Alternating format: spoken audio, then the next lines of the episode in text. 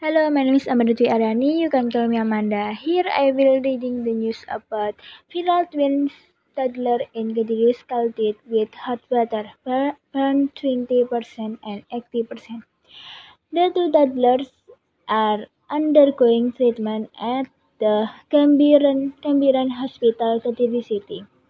The two toddlers were splashed with hot water while the mother was talking about. Thank you.